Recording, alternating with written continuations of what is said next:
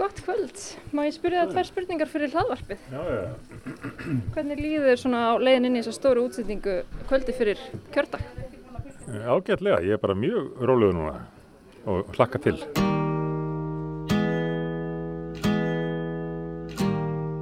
Bara spenntur, ég er mjög spenntur og fullur tillökunar fyrir morgundeginum. Þú getur nú rétt ímyndað þér. Þetta er svona sama tilfinning og þegar maður er 8 ára gammal, grunar að þessi bílabröð í pakkanum á jólunum, en er ekki alveg viss. Ég er bara mjög spennt. Ég er líka alveg pínu ána með að þetta sé að vera búið. En bara almennt bjart síðan og já, ég endur tek spennt.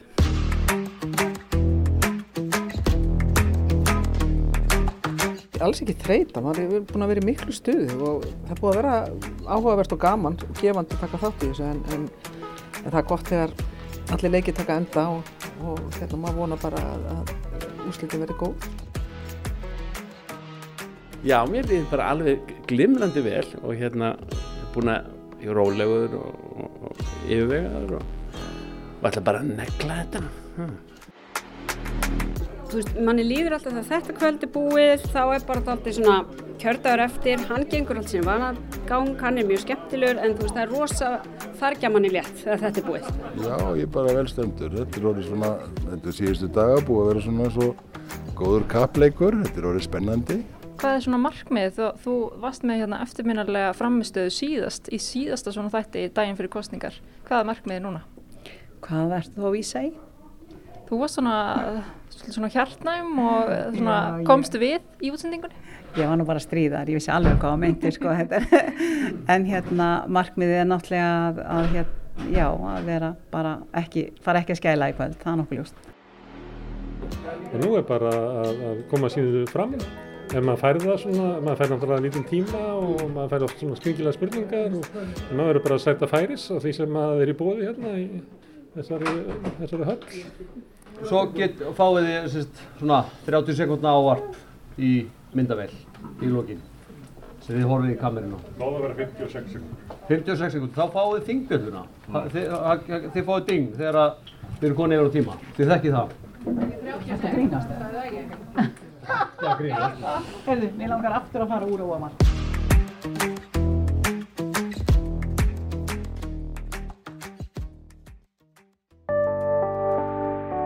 Þú ert að hlusta á hlaðvarp frá RÚF. RÚF okkar allra.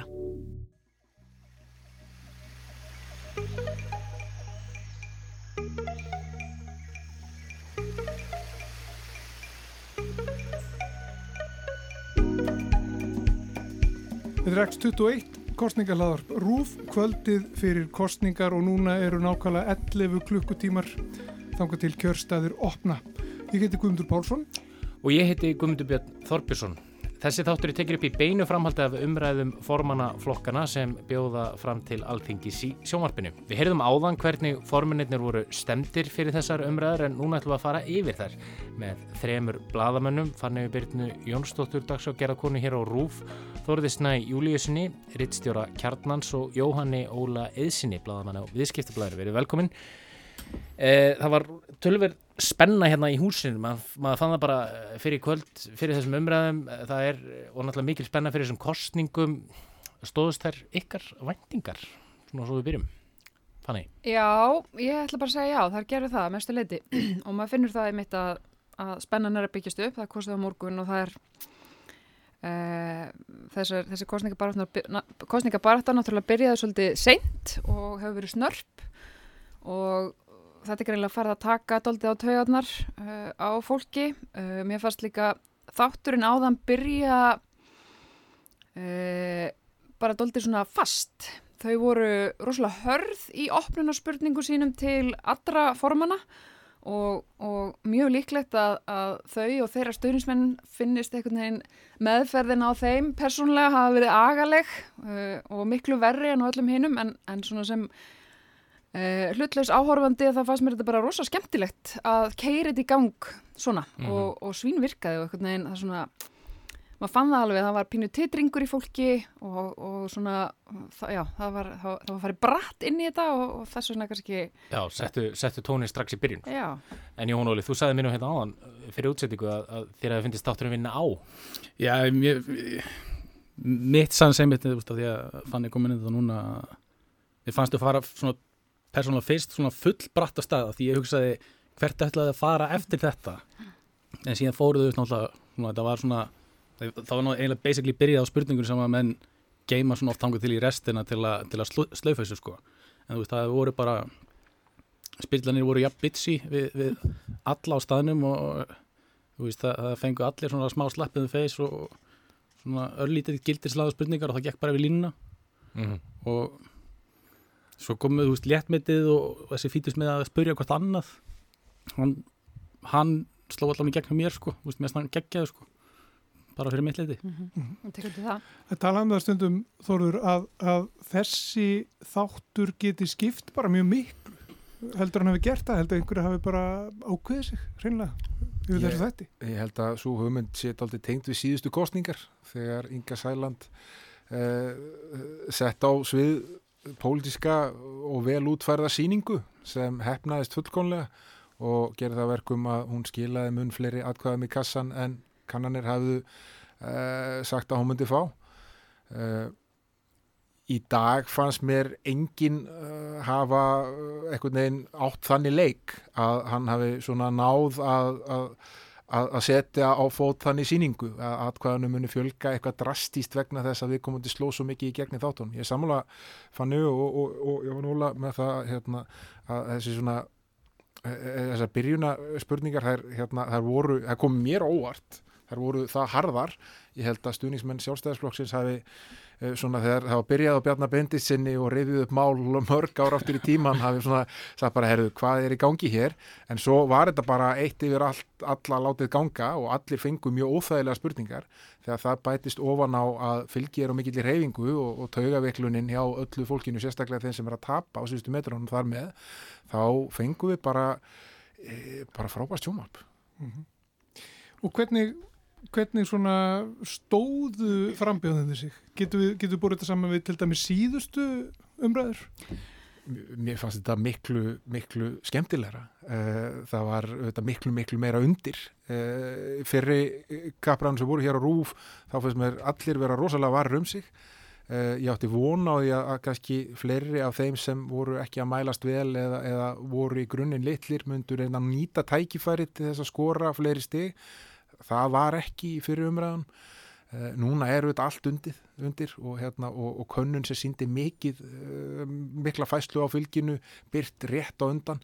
Þannig að það var eiginlega dög að drepast og hérna aftur þrátt fyrir þetta að vera mjög skemmtilegt á að horfa og fyrir okkur bladamenn á að rína í þá hérna, er enginn kannski sem kom út sem eitthvað svona óskóraður sigur, stóðu þessi mismunandi vel.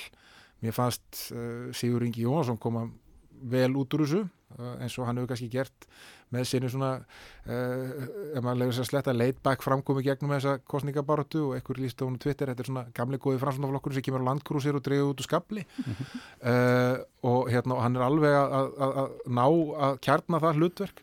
Um, Inga Sæland er líka orðin mjög góð í að tala við sinn hóp uh, í gegnum svona fyrirkomulag. En aðrir voru svona á pari eða rétt undir pari fannst mér, engin algjörlega afleitur uh, en hérna engin svona sem kannski stóðneitt alveg svakalega mikið Ég ætla að fá að taka undir það, mér, sko ég hérna uh, taka undir og vera pínu ósamlega, mér finnst eiginlega Inga Sæland hafa verið sigurveri rétt eins og síðast. Uh, þegar, hún, þegar hún setti sína síning á svið, hún alltaf getur ekki endur tekið það með sama hættu hún gerði en hún er samt Uh, og ég veit ekki hvort það er að því hún er söngkona en hún er svona performer. Hún bara kann þetta. Hún, hún, hún, hún skilur líka að daginn fyrir kostningar þá getur ekki verið of teknilegur of flókin og helst eiginlega ekki of langkorður hún er með einföld skilabóð sem hún ítrekkar og það náttúrulega virkar vel fyrir hana því að, að, því að þú hefur ekkur leiti trú á því að Uh, hún meini það sem hún er að segja. Hún fengi tækifæri til þess að breyta því sem að, sem að hún er að, er að tala fyrir að þá myndi hún allavega að gera alvöru allugu af því hvort sem hún fengi eitthvað með sér síðan í það eða ekki. Þannig ég vil segja að hún hafi verið hún hafi verið sigur verin í kvöld þó ekki næstu því með sama hætti og, og þessi, þessi síning hérna sem við munum öll eftir. Uh, og kannski ekki það mikill vinnir hún sé eitthvað langt á undan hinnum en, en, en ég líka sammála því sem að Þóru var að segja ég hefði haldið að þeir sem eru kannski tæpir aðrir, uh, miðflokkurinn, sósélstaflokkurinn myndur skera sér meira úr, vera einhvern veginn með sko, einhvern veginn meiri svona trumbuslátt í því sem það var að segja og ég kannski saknaði þess uh, að einhverju leiti. Mér fannst þetta svipu framist að bæði hjá, hjá Gunnari Smára og hjá Sigmundur Davíð og síðast þetta var svona öruglega allt í lagi fyrir, fyrir þeirra hóp og þeirra stuðninsmenn og þá sem eru nú þegar komin á þeirra vagn en ekki endilega mikið verið að tegja sér út fyrir, fyrir þann hóp. Það er ekki segja marga nýja sko. En ég, með yngu, þú veist, ynga er náttúrulega bara geggið þannig séð góð í því sem hún gera. Þetta er, þetta er náttúrulega búið að vera þannig að fyrir þá sem er með uh, þingrásina í eirunum í vinnunni, þú getur nánast giskað á orð sem koma þarna, það, það er svona það er svona kjú en ég, ég verði að vera sammála með Sigur Inga sko, að komanda moment hérna með Sigur Inga sem að enna, bara svona til að lauma inn eitthvað tíma þá var ég, ég líka oft mjög andvaka og eitthvað tíma þegar ég var andvaka þá fór ég að hugsa sko ef ég væri að flokka stjórnmálaflokka sko sem gremmeti þá, hvað, hvað er væri sko og þá endaði einhvern veginn og ég sko framsvonarflokkurum væri kartöblur, þú veist, það er svona þeir einhvern veginn þarna alltaf og þegar, smá, já, og, og þegar smári spurði spurðan áðan þegar spurningin frá smára hann beindin að Sigurði og ætla að vera hvaða framsvonarflokkur og það er þið sem kæmi upp úr eftir kostningar og, og hérna, Sigurði Ringi endur á því að tauta svona út í annað. Ja, það er nú alltaf sami framsvonarflokkurinn þegar ég stýri. Mm og það er bara einhvern svona kjarnaði þess að baróttu með þessu slagurði sem hefur verið bara geggjað einhvern veginn, það er bara svona ónað þetta og þú veist þau hafa átt sína spretti núna og sett fylgið við að fara upp sko. mm -hmm. En ef við tölum aðeins um Gunnarsmára þú komst aðeins inn á þetta kannski fanni núna og þið voruð hérna náttúrulega bæði til þess að greina fyrri umræðnar fanni og Þóruður þá töluðu þið svolítið um að, að Gunnar væri svona Gunnarsmára væri svona kannski svolítið passífur og svolítið svona óleikur þeim Gunnarsmára sem við, sem við þekkjum annar staðar en pólitík um, og hvort að það hefði verið taktist hjá hann hvernig fannst ykkur hann svona vera í kvöld og kannski líka hvernig hefur verið kostningabaráttuna síðan þá sem við tölum saman síðast? Mér finnst uh, kostningabarátta Sósélstaflokksins uh, framundir lók síðustu viku hafa verið mjög vel útferð þegar þau voru að mælast í könnunum 7-8% voru byrjuðu langt á undan öllum öðrum með mjög vel skipulaða baráttu vel framsett stefnumál auðvitað með enga peninga í samanböru við hinna og þannig nýttu sér öll meðöld til þess að koma þessum málum framfæri og það gekk mjög vel. Gunnarsmári var ítrekkað að gera sig að miðpúkt umræðu með alls konar ummælum og, og, og líka bara, hann er svo lús yðin, hann er alltaf að, alla tíma sólarhingsins er hann að finna sér einhver yfirildi til þess að, að skapa sem verða fréttamál úr og þess vegna kom það mér óvart en mér fannst það strategi sniðut þegar hann kom síðan hérna svona á stærri vettvangana að, að vera svona rólegur og yfirveru, vera ekki þessi æsingamæður sem margir uh, útmálan sem. Uh, og það gekk upp þá en núna síðustu svona viku tíu daga þegar sósélstaflokkurinn hefur verið að dala í konunum þá finnst mér að vera að fara þess að hjörunum. Þau eru farin að sjá samsærin í öllum hotnum og það eru allir vondur við þau og, og það eru hver fjölmiðlin og fætur öru sem er að vinna gegn þeim. Og uh, ég saknaði þess að hérna að Gunnarsmári hefði kannski tekið töskref aftur og bakk núna áður en hann fór í þetta og hugsa bara ok, mjög strategíst hvernig ætla ég að hýfa okkur aftur í gang eftir uh, svona þann niðurtúr sem við erum búin að vera núna síðustu viku, tíu daga uh, í þessu síðasta tækifæri, þessu síðasta skoti í bissunni sem ég hef og mér fannst hann ekki náði í dag en hann var heldur ekkit alls slæmur sko. hann, hann náði línum sem voru fínar en, en, en hann skildi ekki mikið eftir Sigmundur Davíð, hann hefur nú stundum svona átt sviðið í svona umræðum. Hann hefur oft verið svona doldið kraftmikill og verið með öðruvísi hugmyndir og, og svolítið gripið fram í stundum og svona og tekið orðið og hvernig fannst ykkur hann í kvöld?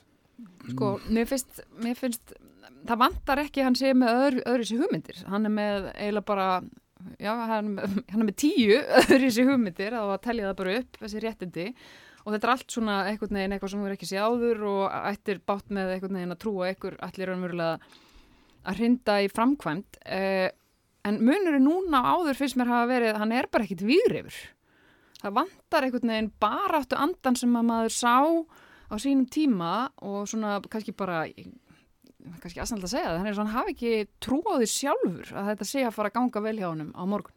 Mér finnst sko, Sigmund Davíð virk, hefur virkað rosalega vel og er góður í þeirri pólitík þegar hann er með eitthvað anstæng. Hann býr hann oft til sjálfur, hann getur verið ímyndaður og óræður, eitthvað strámaður, ellendir vonasjóðir eða, eða eitthvað er svona og svo er hann bara að slást við þessa, og þetta er aðalega útlendingar, orkupakkar eða æsefmálið eða hvað hann hafa og þá er hann algjörlega essinu sinu og, og, og þegar hann er í þeim leik þá er hann mjög góður og þá eru anstæðingar, pólitískir anstæðingar sem hrætti við hann, hann svona, og, og, og umræðan einhvern veginn fer alltaf að snúast um Sigmund Davíð.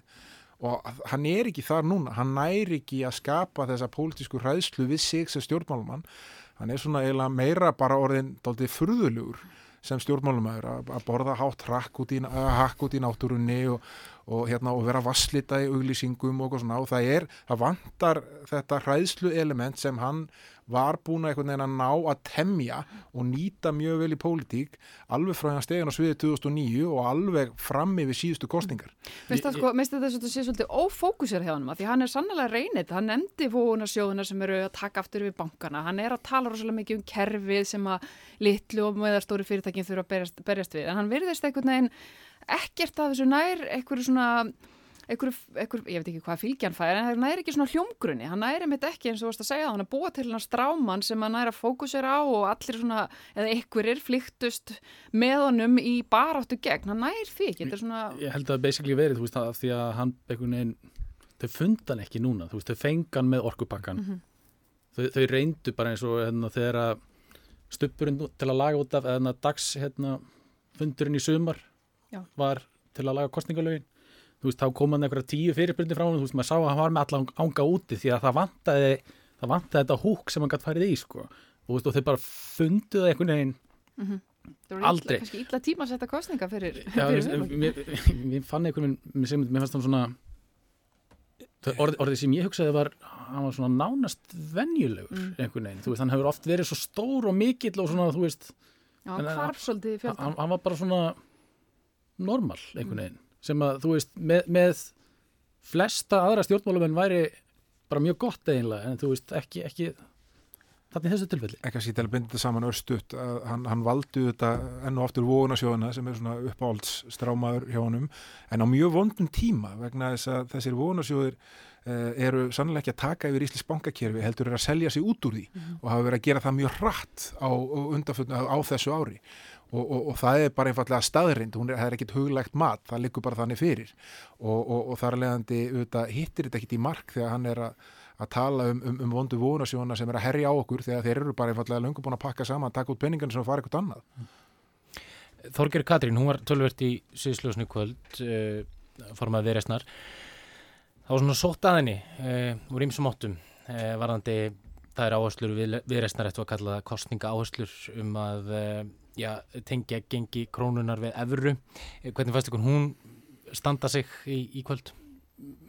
Svona bara koma svona nokkuð klakklaust svona heilt yfir. Þú veist það lendur náttúrulega í því að fá hérna að Sælabokastjóri mætir á reikniskila dag félag löggildra endurskóðanda og, það er pikkað upp hann e, bara á versta tíma en, en svona miða við það, það, það slapp svona einhvern veginn það, það var enginn sem náði einhvern veginn að berja þau allarleiði niður en þú veist, þetta er náttúrulega högg að fá þetta í sig sko mm -hmm. en, en ég hafði samt mjög gaman af þeim hérna, svona þessu tensjóni sem var á milli hérna, hennar og, og bjarnar sko veist, mm. það, það er svona ennþá eins og það eigi barnum fyrir sambandi sko, sem að þau eru eitthvað að reyna að koma fyrir og taka ákvarðanir um sko, veist, þegar hann var að spyrja hana en Já, ég hérna heilt yfir Veist, þetta var, já komst klakklust frá þessu svona stærstu? Ég sko mm, þetta er rosalega flókið kostningamál til þess að leggja svona mikla áherslu á. Uh, það að einhvern veginn ætla að húka fólk inn á þessu krefst þess að fólk gefur svo rosalega mikinn tíma í að sökka sér ofan í teknilega gríðarlega flókið mál.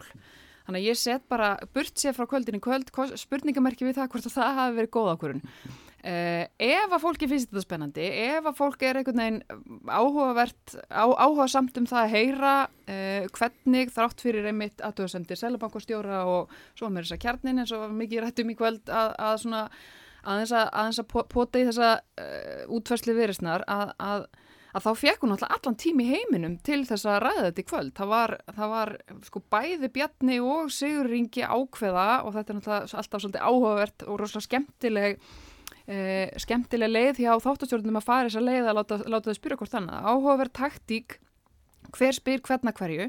Og Bjarni og, og, og Sigur Ringi ákveða báðir að fara í, í þetta og, og spyrlanir í byrjun líka. og spyrlanir í byrjun einmitt. Þetta eru, já, Þetta eru þrjá, þrjú- þrjú sko. þrjú tilveik þar sem, að, þar sem, vera, þar sem hún fær að útskýra þetta. Og, og hún gerði það innan, veist, með þeim fyrirværi sem ég er að segja, þetta er bara ógeðslega flókið og ég ger bara, ég ger ráð fyrir að mjög margir sóni út, ég sá það bara við sátum saman hérna að horfa á þetta og það voru ekki allir sem sátu með okkur sem að einhvern veginn sátu límdir við skjáin þegar hún var að, að, raukstýða það akkur þetta væri jú víst, tæknilega mögulegt tráttur Európa sambandi, bla bla bla.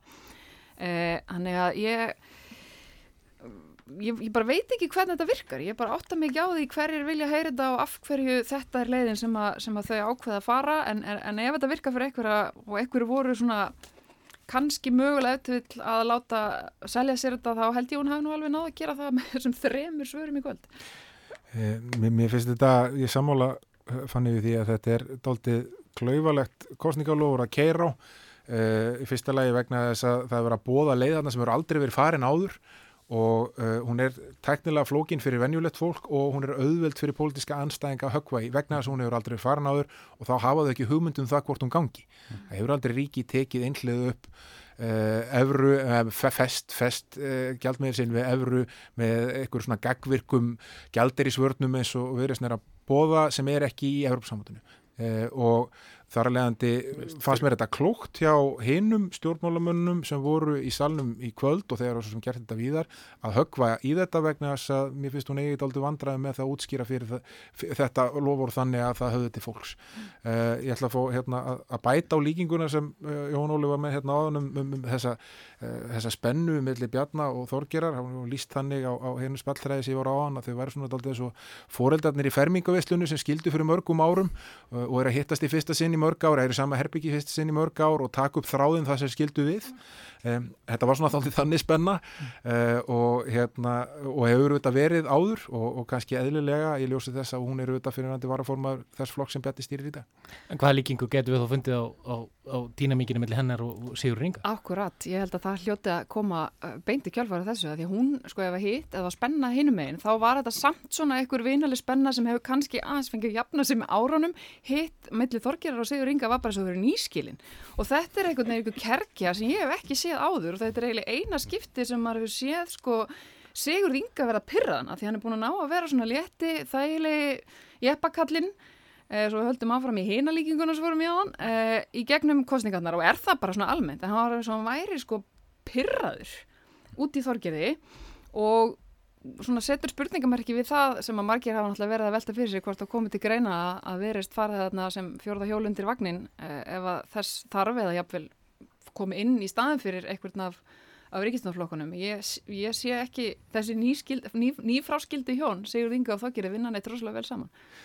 Uh, nýliðin þetta, Guðmundur Franklin sem er náttúrulega ekki nýliði en, en hann er með nýjan flokk uh, hann var spurður út í fylgið sem að er nú ekki mikið uh, hann sæst ekki taka mikið mark á skoðunakonunum og, og gerði alveg ráð fyrir bara að komast á þing uh, hvernig fannst ykkur Guðmundur Franklin, Guðmundur Franklin koma, koma út úr þessu öllu saman? Eh, Mér var skemmtilegt þegar hann fór eh, að tala um, um, um, um stjórnmáluflokkan og ríkispennanum og fjölmjöluna sem voru að leggja hann í innelti og hvernig skoðanakannanir eru, eh, eru eitthvað svona tól til þess að, að, hérna, að hindra aðgang hans að áhrifum og svo fannst mér líka mjög skemmtilegt að hann klikt út með í lokin að hann segist ganga óbundin til skellti það var eiginlega ákveðin hápunktur hérna, ég ljósið þess að mælist alla inni eh, hérna, með, með neitt fylgi.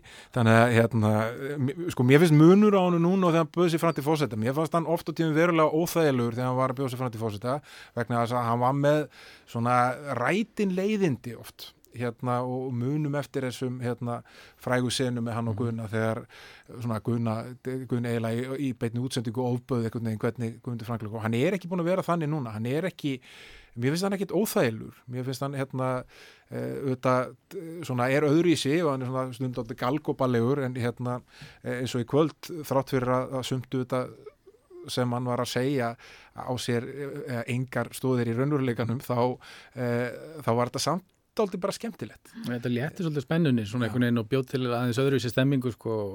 Svona... Hann gerir þetta líka bara með fasinu, hann er Já. bara léttur, ég, ég horfði á hérna, myndband á hann við dag þegar hann er að taka sig upp í bíl og það er bíl að keira útaf fyrir aftanan og, og það er bara hérna, eitt að finna sér í síðisari kostningum uh, hann að taka upp einhvern veginn rosalega heimatilbúið kostningavídjó á ferð í bíl í síma og svo er bara bíl fyrir aftan að keira út af og svo er hann að útskýra það einhverju frétt af hverju þetta var og hann sagði bílstjónur eru líklega bara séð glúm og fyllt, fyllt einhverju svona lotningu og þess vegna er að kert út af og, og þetta, hérna, svona að leysa svona vandamál.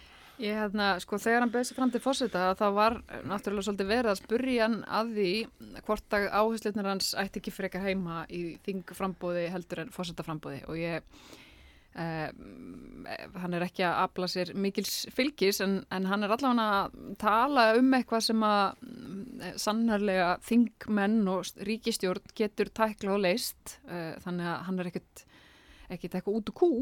Var það miklu frekar í fórsetakostningunum þannig að en ég bara teik undir það þetta, þetta verður veist, þessi, þessi fórnarlampa stemninga hvert, hvert skoðanakannana fyrirtækjanum svolítið komisk mm. og, og fjármjölunum líka, ég menna hann, hann er ekki, hann er langt í frá að meðlast inni en er samt mættur í alla þess að þætti hér og Já, og talar af svona, já, nokkru fullvisum um, einelti fjölmjöla gagvart sér og, og ef við, ef við, ef við tölum kannski aðeins um, um já, þá hugmynd e, þá var, þá var það náttúrulega talsvægt í umræðinni vikunni um, um, um egnar hlut Kristúnu Frostadóttur í, í Kvíkubanka og hvernig hann kom til og, og fyrsta spurning uh, spyrlana beintist að loða einasinni um, um já, hvers vegna hún hefði ekki bara svarað upphaflega og, og, og þess áttar. Uh, hvernig fannst þér, uh, Jóhann Óli, logi komast frá því? Mm, svona uh, sleppan, hann geta komið sterkast frá því, sterkast frá því, þú veist, af því að hann, hann klikkir út með því að notað, sem sagt í raun og veru sama frasa og Kristur hún notaði í yfirlýsingun sinni þannig að fyrst þetta er hún fór á Twitter og dælt út með aðföruna og eða semst fæla fólk frá líðræðinu og, og, og svo framvegi sko.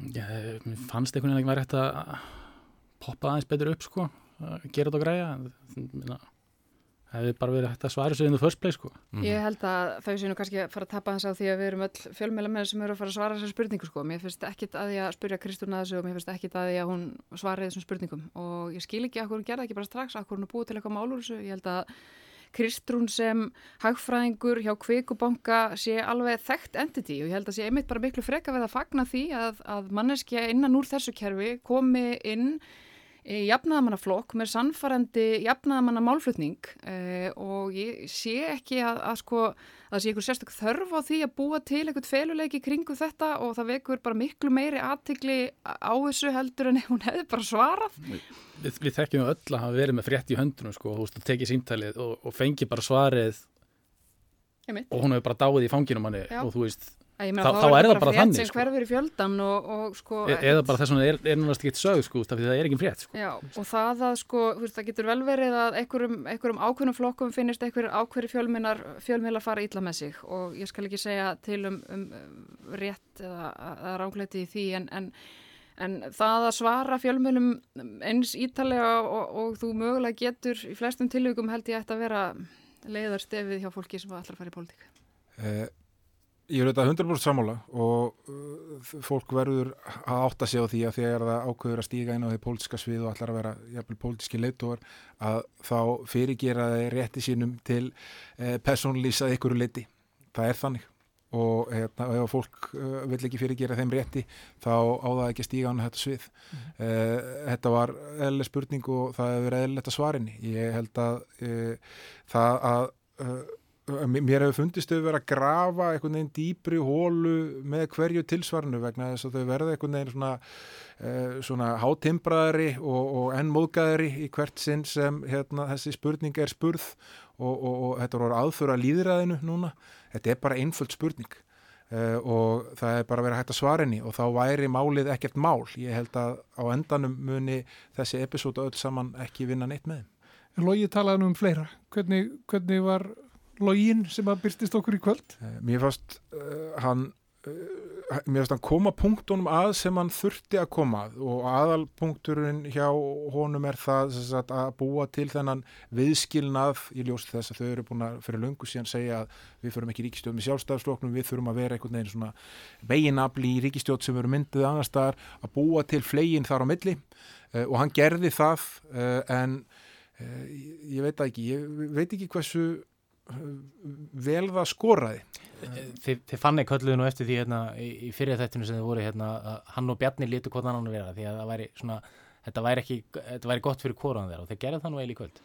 Já, sko ég hérna um, ég, ég sammálaði þóruði því hann skilaði bara svolítið sínu án þess að þú veist, maður, án þess að vera eitthvað sérlega eftirminnilegur. Og ég er náttúrulega ekkit við höfum alveg talað um það ég talaði talað um það ykkur síðast og, og maður oft hérta áður er ekkit, en, þetta er ekki hans fortei endilega sko. Að, að hann er kurtis og maður finnur það veist, hann er ekki svona öskrari hann er ekki hann er ekki, það fíkur held ég seint í hann svona raunverulega sko. Meira segja það að hann var pínur reyður í þessu kristrúnar þessar kristrúnar spurningu þá verður hann ekki reyður, hann er svona þægilegur þægilegur kall. Þægilega reyður Já, og svona, þetta er kannski einhvern veginn svona kappræður, hann er bara svona, já, kurtis maður sem býður eftir orðinu, sko. Það er ekki essið hans, þú veist það. Nei, uh, en, en hann var svona, um, ég meina, hann spurði Bjarnar til dæmis um þetta um heilsugjastluna, hvort það ætliði meiri engaregstur og, og, og svona vakti svolítið aðtikla á því að, að, að, að haldi þessi stjórn áfram að þá muni sé, sé sjálfstæðisflokkurinn spendur fyrir þessu ráðaniti og ég er alveg vissum það að margir sem hallast til vinstri mm, þarna, sé ekki hrifin að þeirri, þeirri hugmynd þannig að ég held að svo spurning hafi verið eitthvað litið svolítið klók þannig að já, já, hann skilaði bara sínu uh, og er svona já.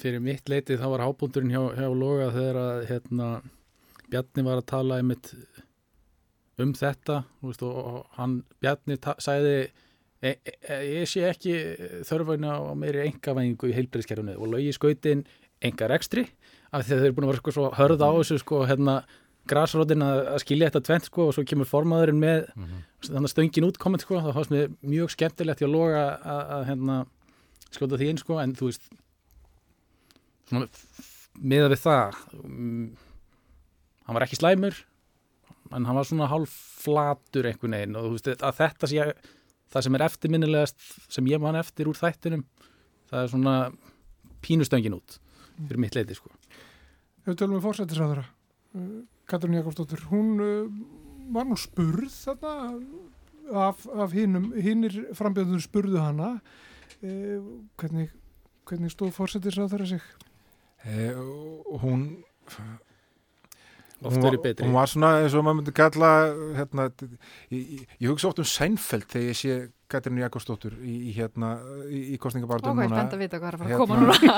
e, og það hann er svona even Steven, hann hérna, ef hann týnir einu dólarasæli, þá finnur hann annan í vasanum og hann jafnast einhvern veginn alltaf út og mér finnst hún einhvern veginn eins og, þú veist, vera sko pólitísk maskína sem er með 5-6 skýra og hún er að lulli gegnum þetta í öðrum og ég veit ekki alveg af hverju vegna að það vita allir að hún getur svo miklu miklu meira. Og það er ástæðan fyrir því að hún er langvinnstælasti stjórnmálum að landsis hún hefur uh, allt sem stjórnmálum að þar til og mér finnst hún ekki hafa sínt nánast neitt af því þessari kostningabartu mm -hmm. og, og það er svona mér fannst það kvöldi kvöldi að vera framhald því. En af því sögðu þá auðvitað sko talar hún mjög vel inn í sinn hóp hún gerir það alltaf, hún veit alveg nákvæmlega hvað hún að segja, hún er rosalega góð í því að, að, að stýra óþægilegum spurningum í þann farveg sem hún vil svara og hún að verða jafn mikið teflón og bjarni sko. já, og hún bara, það er þannig en mér finnst hún einhvern veginn hún gæti held ég komið út og verið alltaf sigurverðin í þessu ef hún myndi taka fleiri uh, en hérna mér finnst hún bara orðið ansi langt sér hún hefur tekið einhverja pólitíska séns Mér finnst sko, ég skil ekki alveg kostningabartu Vafki bara yfirleitt og mér fannst að Kristalla svolítið í þessari fyrstu spurningu sem að kannski stöðningsmennum annara flokka fannst ekki droslega næsti en hún var það svolítið samt. Þegar við fara að tala um sko uh, fjármagnin í heilbríðskerfið að, að, að það uppfyll ekki þörfuna hjá landsbítalanum og hún talar um sko hún, hún, hún fer að tala einmitt um þetta að það verður aldrei komið svona mikið,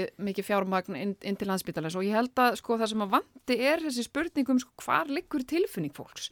Að ég held að tilfinningsfólk sé einmitt ekki að það sé verið að offjármagna neitt þegar kemur að, að heilbreyðsmálum í Íslandi. Og eiginlega alveg sama hvað þú segir og reynir einhvern veginn að, að hampa þér á því að þá það er enginn að fara að kaupa þetta alveg sama hversu mikið af, af gröfum þú veifar framann í það. Þetta er bara ekki, er bara ekki þannig sem fólk upplifir stöðuna Þannig mér fannst, mér fannst, mér fannst svona einhvern veginn, ég, ég næ bara ekki alveg á hverju, á hverju vafki er að keira nema bara, þú veist þetta fyrir sig sjáum, það skiptir máli að Katrín halda áfram að stjórna sem er svona, já, slagur því mhm. þeim. Sko. Það er svona svona hálfa angstíf, þú veist, dæmis fyrir fjórum árum þegar þau gátaði með hjólaðið í, þannig sé hvert sem er en af því að þau eru núna alltaf búin að vera í fre- fremsta gæ- gæsin í ótaflýginu, sko, þú veist, það er Mhm. einhvern veginn erfið að, Já, sá- Mér finnst þau vera samt miklu passívari með það heldur en sjálfstæðisflokkurinn leifir sér að vera, heldur en framsók leifir sér að vera. Þeir, og þetta er alltaf tveir menn og fullt af konum með þeim, en þau, þau leifa sér bara að segja hvað sem er og keira á alls konar málum sem að gætu verið mjög óheppilegt fyrir Vafki eða hinn ríkistundaflokkin en Vafki er einhvern veginn Katrín er svo kurteis í þessari baráttu mér finnst svona vanta einhvern veginn já, bara Já, svona aggressífa baráttu hjá þeim meira sko. Við sjáum þetta kannski þegar Inga Sæland spyr þarna út í, í þessa skýrslu um fátækt öryrkja og vísar síðan í gamla ræðu frá Katrínu Mhm. að það kemur svona, þetta var ákveðin varnarleikur sem hún fyrir að spila þarna og tala um að almenningur viti þetta, almenningur veit þetta. Akkurat, veit hann það? Nefnitt. Uh, fyrir mig Bjarnar Benedinsson, fjármálaráþra uh, hvernig svona sjálfstaflokkurinn hefur að mælast já, svolítið bara svona upp og niður í síðustu könnunum eh, kom ágættlóður út úr síðustu könnun sem við tölum kannski aðeins á eftir eh, sem, að, sem að eh, var gerð fyrir rúf og byrt núna í kvöld hvernig, hvernig stóð Bjarnar sig? Sko, Bjarni ko- kom inn í þetta í stöðu sem hann er doldið kunnugur í hættaráttu kostningar, sérstofsflokkurinn er auðvitað kannski allara flokka bestur í kostningabaratu á Íslandi, það er að segja eh, þessari kostningabaratu sem sést ekki. Það er að segja fótgöngulegarnir magnið af fólkinu sem vinnur fyrir hönd flokksins draga kjósendunar á kjörstað og hefur þessa tilkningu að rýsa í könnunum á réttu tíma rétt fyrir hérna kjördag Þetta gerist 2000 og- og 2017 á ná, nánast nákvæmlega sama hætti og hann, hann þurfti raunverulega aðalega bara sigla í gegnum þennan þátt áfallalust og ég sá vegna þess að Bjarni á hérna, hann á svona reyðabjarna og, og reyðabjarni er gott sjómarp og hann er fréttnamur fyrir uh, bladamenn Það er eh, stutt í og- og haf, hann byrtist í fyrstu spurningu og, hérna, og hann var ægilega móðgæður eða var að spurja hann með þessu göm, gömlu mál. En svo samt í sama svarinu náði hann að spóla sig aftur einhvern veginn eh, inn í komfortzónu og, hérna, og svo fannst mér hann bara eiginlega að halda sig þar. Hann vissi uh, hvert hann mátt ekki fara. Uh, hann svona sveigði fram hjá spurningunum sem hann vildi ekki svara á svipum hátt og Katrin gerði og uh, gerði þetta nákvæmlega eins og hann þurfti að gera. Hann sýnir bara þessi pólitíska reynsla sem hann hefur hann er auðvitað búin að vera formaður uh, stjórnmálaflokks langlengst af öllu þessu fólki búin að vera formaður stjórnmálaflokks á árunni 2009 uh, þannig að hérna Uh, hann fór alveg klakklöst í gegnum þetta á þann hátt sem hann þurft að vera. Hann, hann yfirði engar fjæðrir og hérna en náði kannski ekki dýnin nýn aðkvæðin, það var ekki það sem hann ætlaði að gera í kvöld. Ertu sammála þessu, Jón?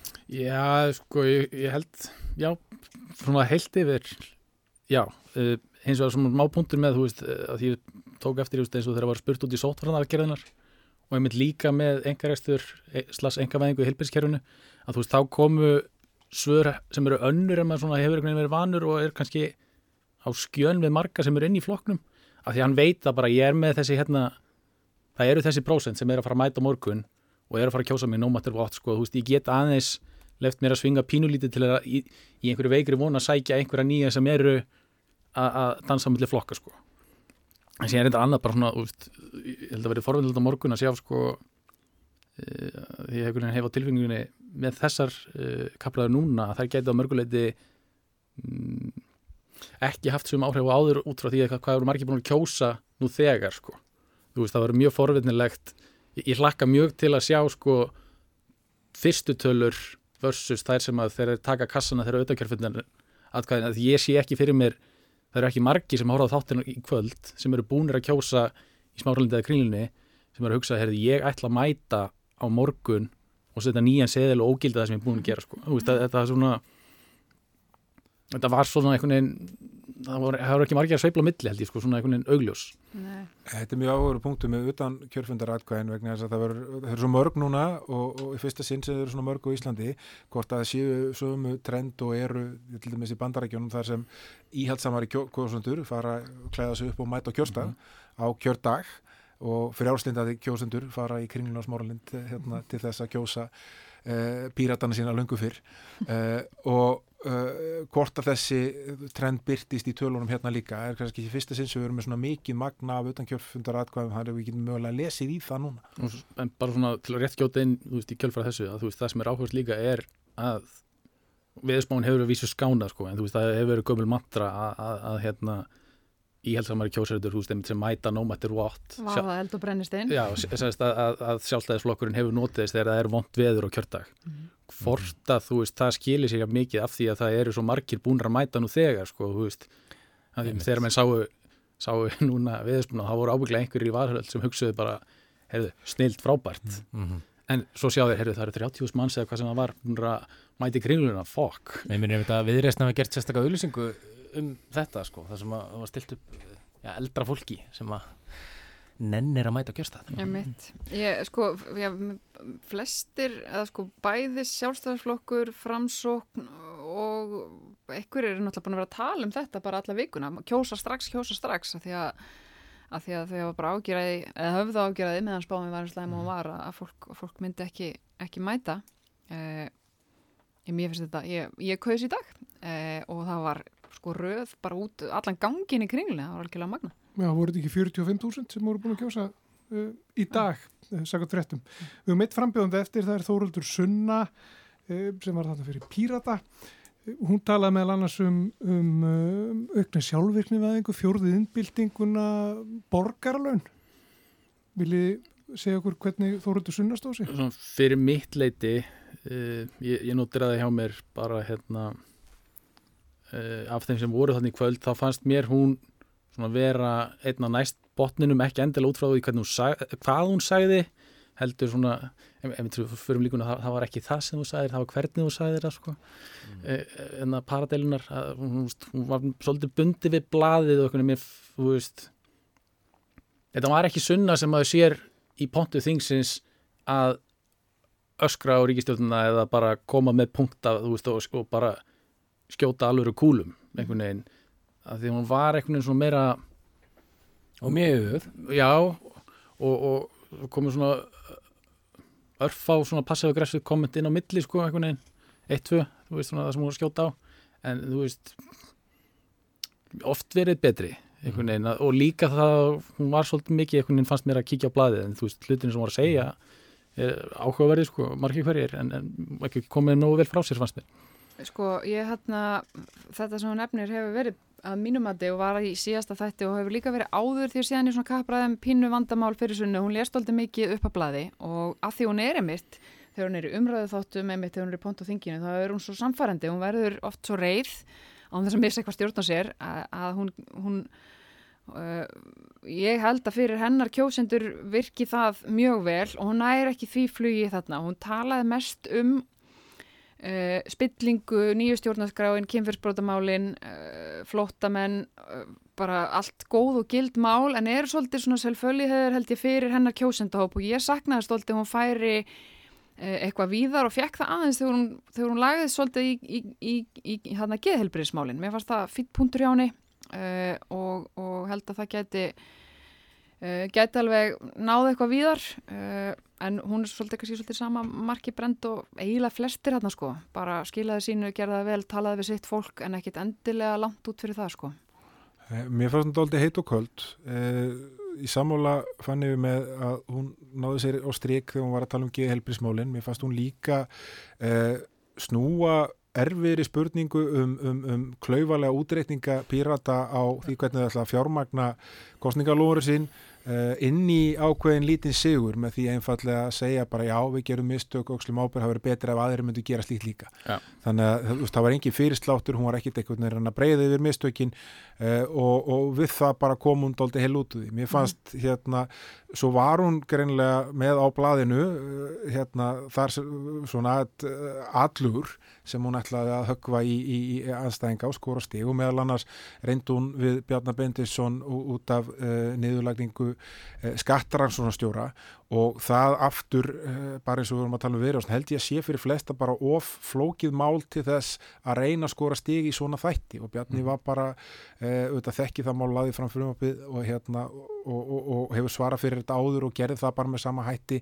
Þannig að þetta varð raunilega púðuskott og, og, og þessi svona kannski allaga sem átt að skora, skora stig koma eh, honum helsta anstæðingi, eða pólitíska anstæðingi pírata í einhverja klemmu, hann á að vera svona holdgerfingur spillingarinnar sem píratar berjast á móti, eh, hún mistókst. Þannig að sumt gerðum vel eh, annars síður. Já, ég demið bara með þóru til það, þú veist. Hinn hin, hin almenni Íslendingur, þú veist, vissið þeir yfir höfuð, sko, hversu margir voru bara með það að skatturinn og skattaransson stjóri hefði verið tvö batteri, sko, þú veist, það mm -hmm. Ég held, Já, ég held að upprópunin skattaransstjóri var laður niður, gangi alveg ein og sér, þú vilt ekki endilega gefa bjarnar færi og svara því með einhverjum logoorðum mm -hmm. uh, í svona spjalltætti eða kappræð.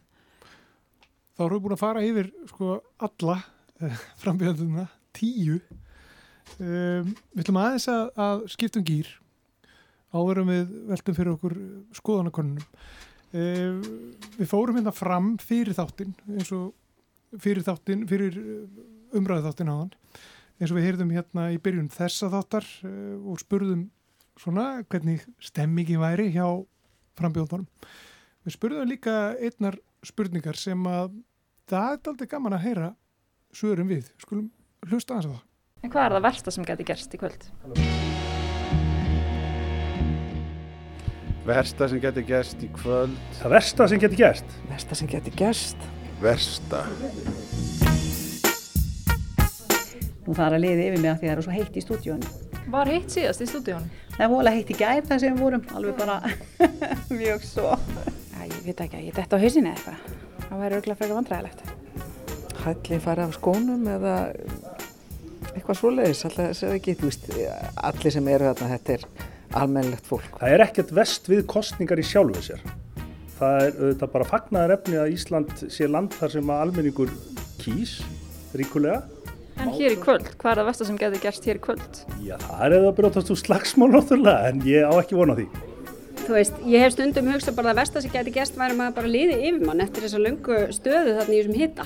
Það væri náttúrulega alls ekki gott. Það er eiginlega mesta áhyggjefni mitt fyrir svona útsetting. að síminn ringi og, og eitthvað Ertu ekki með hann á silent eða flight mode? Þarna verð ég að munna það sko, það má ekki hafa klikkað Ég veit það ekki. Það getur nú verið svona upp á koma ef eitthvað okkar lið út af að það er búin að standa upp á endan mjög lengi. En ég, nei, nei, ég held að það getur svo sem ekkert verið neitt verst.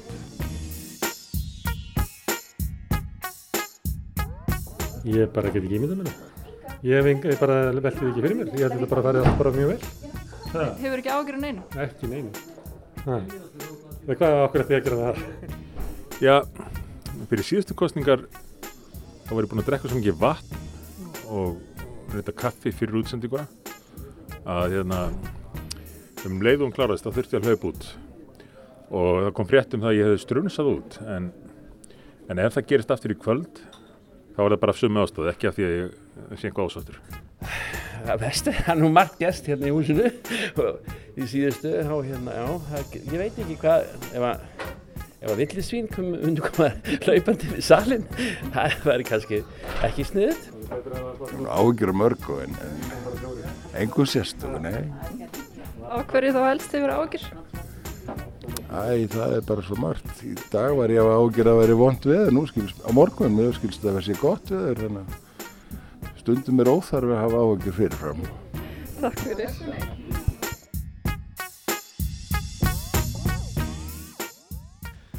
Já, þarna heyrðu við hvað formunum flokkana fannst svona það versta sem gæti gerst í þessari útsettingu. Hvað segir þið? Hvað, hvað hefði verið svona það versta sem, að, sem að hefði geta gerst þarna? villisvinni Nei, það er verið að besta sem það gæst fyrir þessa kapraður Það besta sem fyrir okkur sem sátum ykkur starf í vari og horfum átt í sjómarbi en, en, en líklega agalett fyrir þá sem voru að glíma við villisvinni Þetta er svona eiginlega ja, tilvíðlega kent svar og svo segja bara já, eh, það vestar sem getur gæst er að lítil skólarúta myndi koma keirandi inn í salin sko. það er svona jafn sennilegt eða jafn líklega sennilegra en að villisvín myndi rata upp í efstalit í Reykjavík. Og verra en hérna, langbæsta svarið það er engi vafi sko. Ekki hérna á ágjur af því að þurfa að pissi í sig eða hérna eða vera eitthvað nefn of heitt og að líði yfir þig eða síminn fara á stað sem er svona sem eru svona kvestarsleiri vandamál sem flesti þekkja sem að eitthvað fara í sjó e Ef það hefði í raun og veru komið villisvín á þeim þá er ég eiginlega leiður sko að, hérna, að Helgirhafn sé hættur og hann hefði ekki verið þannig í stað Þórildar Sunnu sko, Sunna sé ágætt, ég hefði bara út, út frá viðbröðum við jærskjáltanum þá hefði ég vilja hafa Helga með villisvínanda En fannig byrna, þú er nú stýrt svona umræðu þáttum mm -hmm. í sjónvarpi Hva, Hvað fyrir gegnum hugan hjá þér? Þegar, þú heyri svona spurningu, hvað er að vestar sem geti gæst? Mm, sko, vestar sem geti gæst er að vera van búinn fyrir þetta, vera ekki búin að undirbúið sér nógu vel og, og vera ekki með nógu margar spurningar og vera eitthvað neginn hlustuninn klikki, þannig að getur ekki brúðist við, við því sem er verið að segja. Eh, mér fannst þetta vel gert hjá þessum þáttastjórnundum og bara ítrekka sem ég saði hérna áðan, mér fannst þetta sniðuleið til þess að til þess að byrja þetta.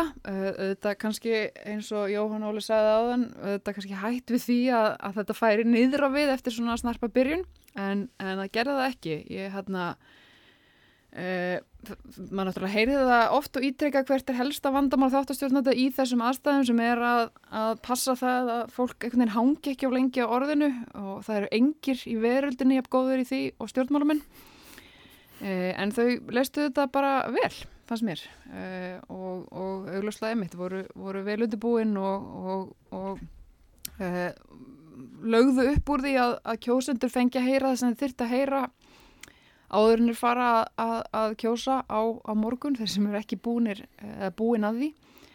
Uh, mér fannst svona furðulegt innskott gaman að heyra það samt þessi spurningum um, um kynjafræðsluna í, í skólanum og, og emitt, það auðvist að þáttastjórnunum fannst áhugavert að þarna örugli fyrsta sinn í kappræðum í sjónarby voru allir sammála svona, kannski ekki alveg undanbræðilegust en, en sæmilega nált í sko. Það er svona pastlegum fyrirvörum sko. Mm. Mm -hmm. Emitt, emitt. Uh, ég held að ef ég ætti að svara þessu spurningunarfni þá það sem ég nú lendi að fá svona heilaþóku bæði í útvarpu og sjónvarpu beinu útsendingu og það er umtalsvært verra í sjónvarpu þegar þú veist ekki hvað þú ætlaður að segja. Það er kannski bara best að vera ekkert búin að ákveða fyrirfram. En nýr þjóðarbúls Gallup var byrtur í dag og þar kennir ímsagrasa eh, samkvæmt eh, þeirri konun þá rík heldur ríkistjórn eh, og fengur ríkistjórnaflokkarnir 35 þingmenn. Þetta er ekki kannski alveg takt við það sem við séð síðustu daga Er hægt að segja, er hægt að tala eitthvað um skoðanakannur, er hægt að segja, kemur þessi konun óvart eða? Eh, hún kemur mér ekki á óvart vegna þess að flokkarnir sem eru bæta alltaf vissi fylgi og lokametrunum er að bæta vissi fylgi og maður hefur eiginlega bara verið að búast við því til dæmis að sjálfstæðisflokkurum myndi tikka eins upp eftir að komur óvart hvað hann hefur tikkað niður í september uh, hérna verið að dala allan september og svona uh, ásand kannski sósialistunum sem eru búin að dala úr, úr 7-8% fylgi, búin að vera að dala flokka mest svona framan af en hérna búin að eiga sinn hefðbundna lokasprett og uh, það er runnulega það sem er að gerast er það að framsókn og vinsið græn er að hafa sætaskipti frá því síðast. Framsókn er að verða svona þessi næstæsti flokkur í landinu hinn græni flokkurinn uh, og hérna og, og, og vinsið græn er að fara neyri það fylgi sem framsóknarflokkur var með síðast. En þetta sýnir bara hvað þetta er rosalega viðkvæm staða. Þegar komur svona marga flokka og við erum að fara úr því að vera hérna 4 pluss 1 kerfi hérna í ára 10 yfir það að vera 5, yfir svona staðbundið svo 6 og svo 7 og svo öruðu 8 síðast og svo núna verða það líklegast 9 en nema einna þeim dett út. Og það að þau verða 9 þá skiptir hver tilfæsla á brósatustíði svo miklu máli. Og uh, þessi viðbót hjá stjórnaflokkunum núna, hún er sára lítil í stóra samhenginu sko, það er ekki svo að, að taka risastóð skref en hún skiptir samt svona miklu máli þegar það kemur að því hvað er fá mörg þingsæti og svo hefur það líklega ekki farið fram hjá neinum að Ólaf Þóttn Harðarsson með ákveðna skoðanir og það að hérna, kostningakerfi okkar sé beglað sem gerir það að verkum ákveðni flokkar fái fleiri þingmenn en, hérna, en þeir eiga fá. Og, og, og fór yfir það ágætlega í fréttonum áðanum að þarna séu líklega tveggja þingmanna tilfæsla e, þar um til stjórnaflokkana þannig að hérna Uh, kannski er þetta ágætt með það að íta við morgundeginum hérna, uh, þannig að, að svona við sjáum einhverjar kannski taktíska breytingar. Ég finna nefnilega rosalega mikið í kringum mig að það er rosalega mikið fólki búið að ákveða hvað ætlar ekki að kjósa. Mm -hmm. en færri er búin að ákveða nákvæmlega hvað er ætla að kjósa. Og það er auðvitað mikið breyting frá og þetta er til dæla ný rannsók sem búið að byrta hérna um það þetta svona, uh, þessi svona hotl, flokkshottlust á Íslandi, hún er á undanhaldi. Fólk er að kjósa nálgarskostninga með allt örum hætti. Og og það virkar svona báðum megin, svona íhald svo kannski hæra megin, þá er hérna alveg skýrt að þeir ætla ekki að kjósa samfélkinguna þeir ætla ekki að kjósa sósælistaflokkin og sama með svona þá sem eru þarna á þessari frjálslindu miðjuflokkar og til vinstri ætla ekki að kjósa sjálfstæðisflokkin og kannski ekki framsókn, allavega ekki miðflokkin en svo veit það er ekkit annað að hvaða þessu krað ekki hérna þeir ætla að kjósa. Og kannski munum við sjá ekkur svona taktíska kostningu hjá ég er spenntu fyrir því sem áhuga mann kostningar Því þú segir að það er margir sem eru að fara ákveðis á morgun, sko, það hljóma skrítið að segja að maður sé bladamar á viðskiptablaðinu sko, en ég er að fara af úlindu og doff á milli tveggja sko, og ég held að ráðist nánast af því hérna, hvar, hvar mér langar að strika fleiri út sko, hérna, til þannig að það, komist til skila. En ég held reynda sko því að eru, við erum búin að vera þrjá flokka sem er búin að vera mörgurum í þessum konunum ég held ég, ég ætla að veðja á það og, og þú veist, þá þarf ég bara að geta þann svo að hérna, einhver af þessum flokkum farið niður fyrir jöfnunarsæta þröskuldin en verðið samt með kjördamikjörn mann. Ég er með óskastu fyrir ekki að grípi fram í og, svona, hérna, og hún er ekki hérna, meint illa gaggat þessum aðstof, ég held að það er bara svo skemmtilegt fyrir alla hinna og það er það að bæði sósjálfstaflokkurinn og miðflokkurinn myndu fá Simu Davíð og Gunnar Smára kjördamakjörna en þeir eru einir í þingflokki Já. og þeir eru bara, þeir myndu ekki náðu 5% markið en væru tveir aðna og, hérna, og eru náttúrulega bara eins og þeir eru, mikill kraftur í þeim og, og læti og, hérna, og ég held að það gæti orðið já, mjög atvinnuskapandi að mista kosti fyrir okkur ef, ef að það er inn í umstæðan. Ég held að hjálpi rosalega mikið að þessi flokkar sem eru og eru, eru búinir að vera og eru á mörkunum sem er með flokkurinn, flokkufólksins og sósélstaflokkurinn sem hefur svo sem reyndar ekki verið mikið á mörkunum þar til núna Uh, ég held að hjálpa þeim samt að mælast inni. Ég held að fólki finnist oft erfitt að sjá fyrir sér að atkvæði fari raunverulega uh, til spillis, að, að kjósa flokk sem kemst ekki eins og inn og ég held að hjálpi mjög mikið að, að, að þessa kannanir sé að sína þessa flokka inni og, og, og að það þýði eitthvað að kjósa þessa flokka. Sko. Helst einhvern veginn sósílistar sem er í hættu, þú veist, af því að þeir hafa verið, þú veist, miðflokkur er búin að vera daðraveta en þeir poppa eins upp núna. Mm -hmm svipað með flokk fólksins en sjósildar, hvað er, er rétt miðunni hjá mér, þeir voru að skjóta, þeir eru neðsti núna þeir eru bara rétt yfir sko. veist, þeir voru að skjóta 7,12 þú veist, í fyrir vikunni en eru núna 5,3 ish mm -hmm. reyndar í, þú veist, 52% svarluta allir segir mann bara, þú veist, annarkvært hvað eru margir og ákvæðinir sko mm -hmm. þú veist, þannig að það getur bröðöknum til, til begja vona fyrir alla sko Algjörlega En Algjörlega. þetta er svona, þú veist, ef maður horfur á hvernig það var, eh, ég kíkti á hvernig síðastu konun hjá Gallup var fyrir síðustu kostningar uh, og þá var það rannulega þumalputtareglan þessi að sjálfstæðisflokkurinn bætti vissi prós, nei hann var eiginlega bara alveg á pari, uh, fransnaflokkurinn bætti tölvöld vissig uh, og hérna viðrist bætti líka held í tölvöld vissi en hérna samfélkingin og vinsti græn fengu minna en þau meldus með síðustu konun mm -hmm. og hérna ef við hérna ef við lítum á það sem einhver vísindi þá, hérna, þá geta það verið eitthvað fyrirbóði hvernig morgundagur en ég held eins og er að þetta sé öðruvísi landstað núna, ég held að við munum sjá öðruvísi reyfingar á morgun. Mér fannst sko og við rettum það síðast að sko Bjarni Benediktsson gerði mikið í því að aðgreina sig með svona til dæla einföldum hætti frá hinnum flokkonum talar um, um skattalækkanir að eða ekki um efni fram og er svona einhvern veginn ábyrgi maður með veskið og gerði ekkit mikið meir en það. Síðan hefur kostningabaráttan þeirra verið svona svona hins einn og ég held að miða við sko kannanir sem hafa farið svona lækandi þar til nú að þá er það ekkit endilega verið að slá mikið í gegn. En svo kemur hann í rauninni með svipuðum hætti út úr kvöldinu kvöld. Þetta er svona við erum að fara að vera ábyrgi flokkurinn og meðan allir hinn er að lofa, lofa, lofa málflutningur.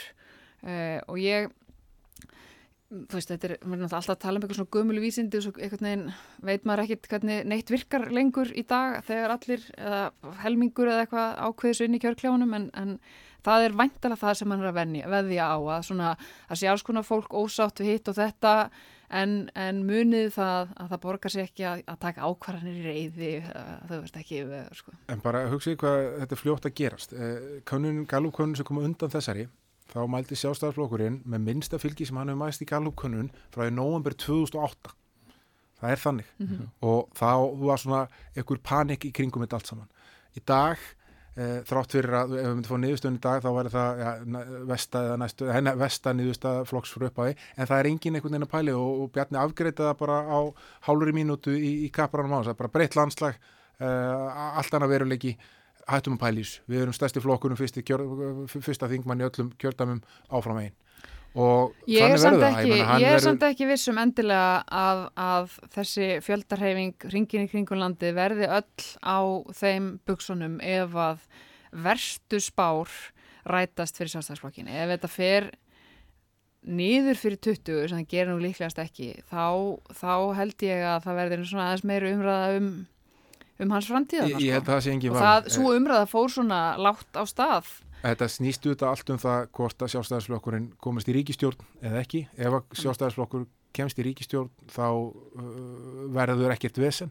Ef að sjálfstæðarsflokkur kemst ekki í ríkistjórn sem að vestu útkomu frá upphafi þá held ég að blasi við að það verði einhvers konar uppgjur í floknum mm. og það er auðvitað bara eðlilegt við búum með forman sem er búin að setja í meira en áratug. Og búin að ná að halda floknum við völd þrátt fyrir að, að, að fara í gegnum klopning og, og, hérna, og tapa mikið að fylgi. Og hann búin að fá já, hva, fjórar af fimm vestu útkomum flokksins frá upphafi. Eh, bara 87 sem treðu sér hann á milli. Þannig að hérna uh, ef að staðan er eins og ef að staðan morgun verður eins og hann byrtist í Gallup í dag þá uh, og þeir komast í ríkistjórn þá þurfu haldið Bjarni og flokkurinn þurfu ekki að hafa meiklar ágjur en ef að það myndast einhver annan möguleiki og hann verður farin þá hérna aftur gerist eitthvað aðtunskapandi fyrir okkur. Minnst aðalega verður bara sko, ég er svo spenntur að sjá að þetta búið að vera svona smá flökti sko, hvað kemur upp úr kössunum? Því þó ég sé mikill aðdáðandi domtkerfisins og, og jöfnunum að sæta og, og kostningar sko, að hérna mér er alls sama hvað kemur sko, svo lengi sem að hérna, við erum ekki að vera kjósa aftur í februar ég bara satt mest að segja að ég nenni þið ekki. Veist, eru sérstaklega í sko, einhver svona þeir eru ennþá í svona smá jólaþingu að, að bara að það sé einhvern veginn hægt að púsla einhverju þannig að það sé allavega að við munum það bara, þú veist, 2016 og 17 þú veist, kostningabráttu 2017 var svona einhvern veginn það voru allir einhvern veginn æ, mm -hmm. þú veist, þurfum við að gera þetta einhvern veginn að við fá, náum allavega ári, mm. þú veist það er svona, það, það er allt sem ég beðum sko. Líka vegna þess að við erum góðs meira að fara að kjósa aftur í mæ sko. Já, nákvæmlega. ekki gleyma því hérna, með sveitistjóðarkostningar í mæ.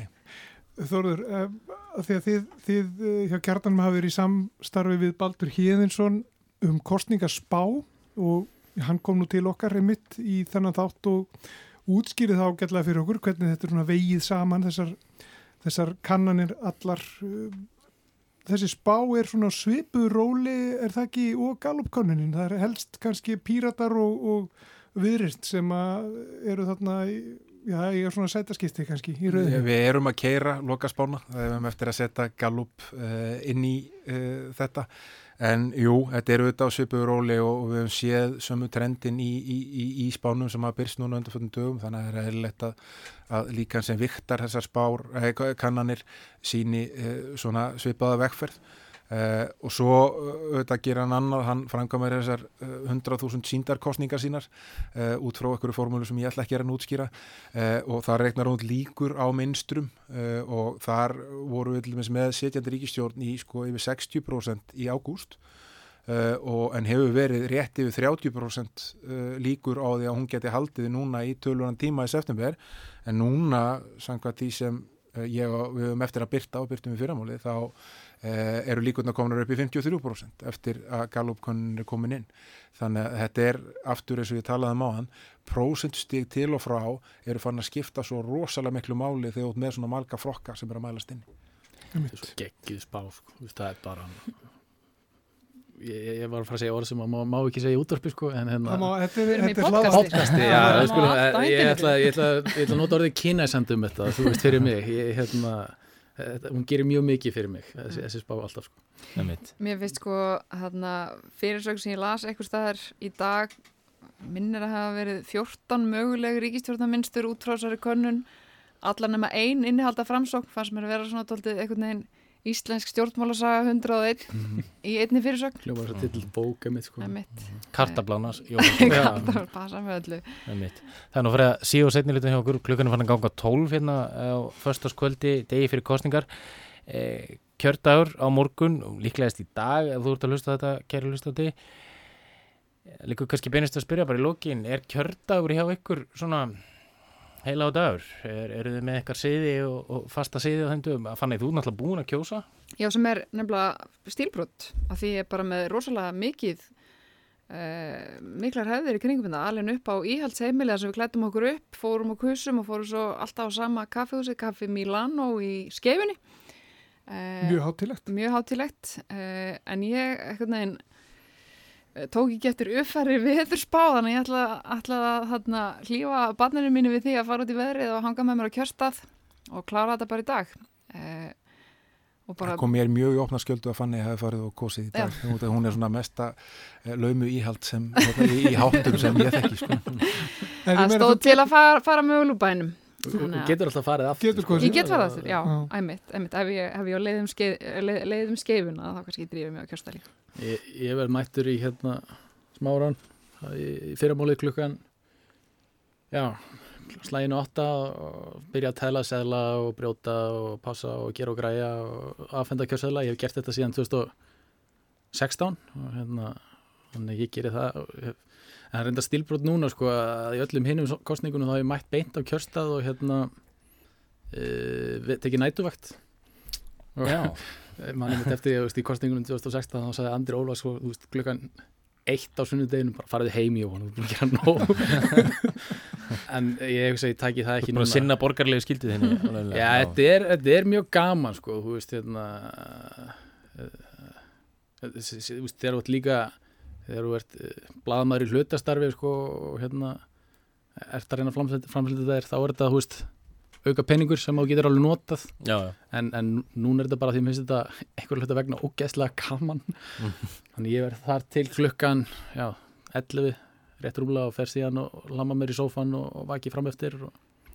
Ég hef gert þetta líka uh, unnið svona á kjörstaði í kostningum og það er eiginlega alveg aftur tikkar í allt hjarta. Það er hátilegt og skemmtilegt að fylgjast með liðræðinu í beinni, fylgjast með, með öllu fólkinu sem, sem kemur og nýti kostningaréttin og það er alveg svona, já, hátileg stemning yfir því, sko.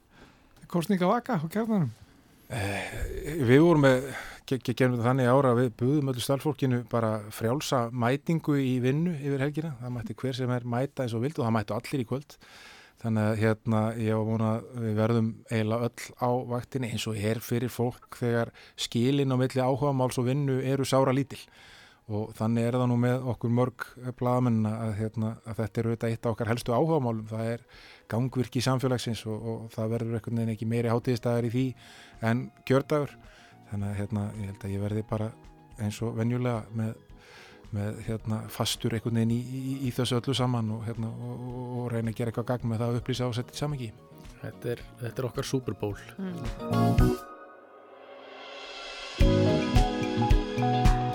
Við skulum bara láta þetta vera loka orðin. Super Bowl á morgun. Kostningar, eh, kæra þakki fyrir komuna í X21, Fanny Birna Jónsdóttir, Jóhann Óli Eðsson og Þóruður Snær Júliusson Ég heiti Guðmundur Björn Tópulsson Ég heiti Guðmundur Pálsson, X21 er ekki lengra að þessu sinni. Eh, við munum líklega fylgjast eitthvað með áfram eh, í, í kostninga hlaðarpir húf. Já, þetta er ekki síðasti þátturinn Nei, sennileg ekki. Sennileg ekki En takk fyrir að hlusta.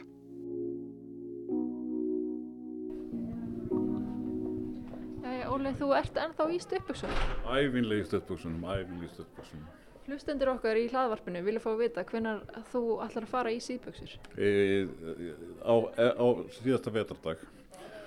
En hins vegar verð ég nú, í- fer ég nú til, skal ég segja þér, til, til Madrid, núna í byrjun oktober. Þannig að kannski ég verði bara í stöðbuksunum alveg fram til 1. desember þegar ég kem heim. Spennandi, takk fyrir.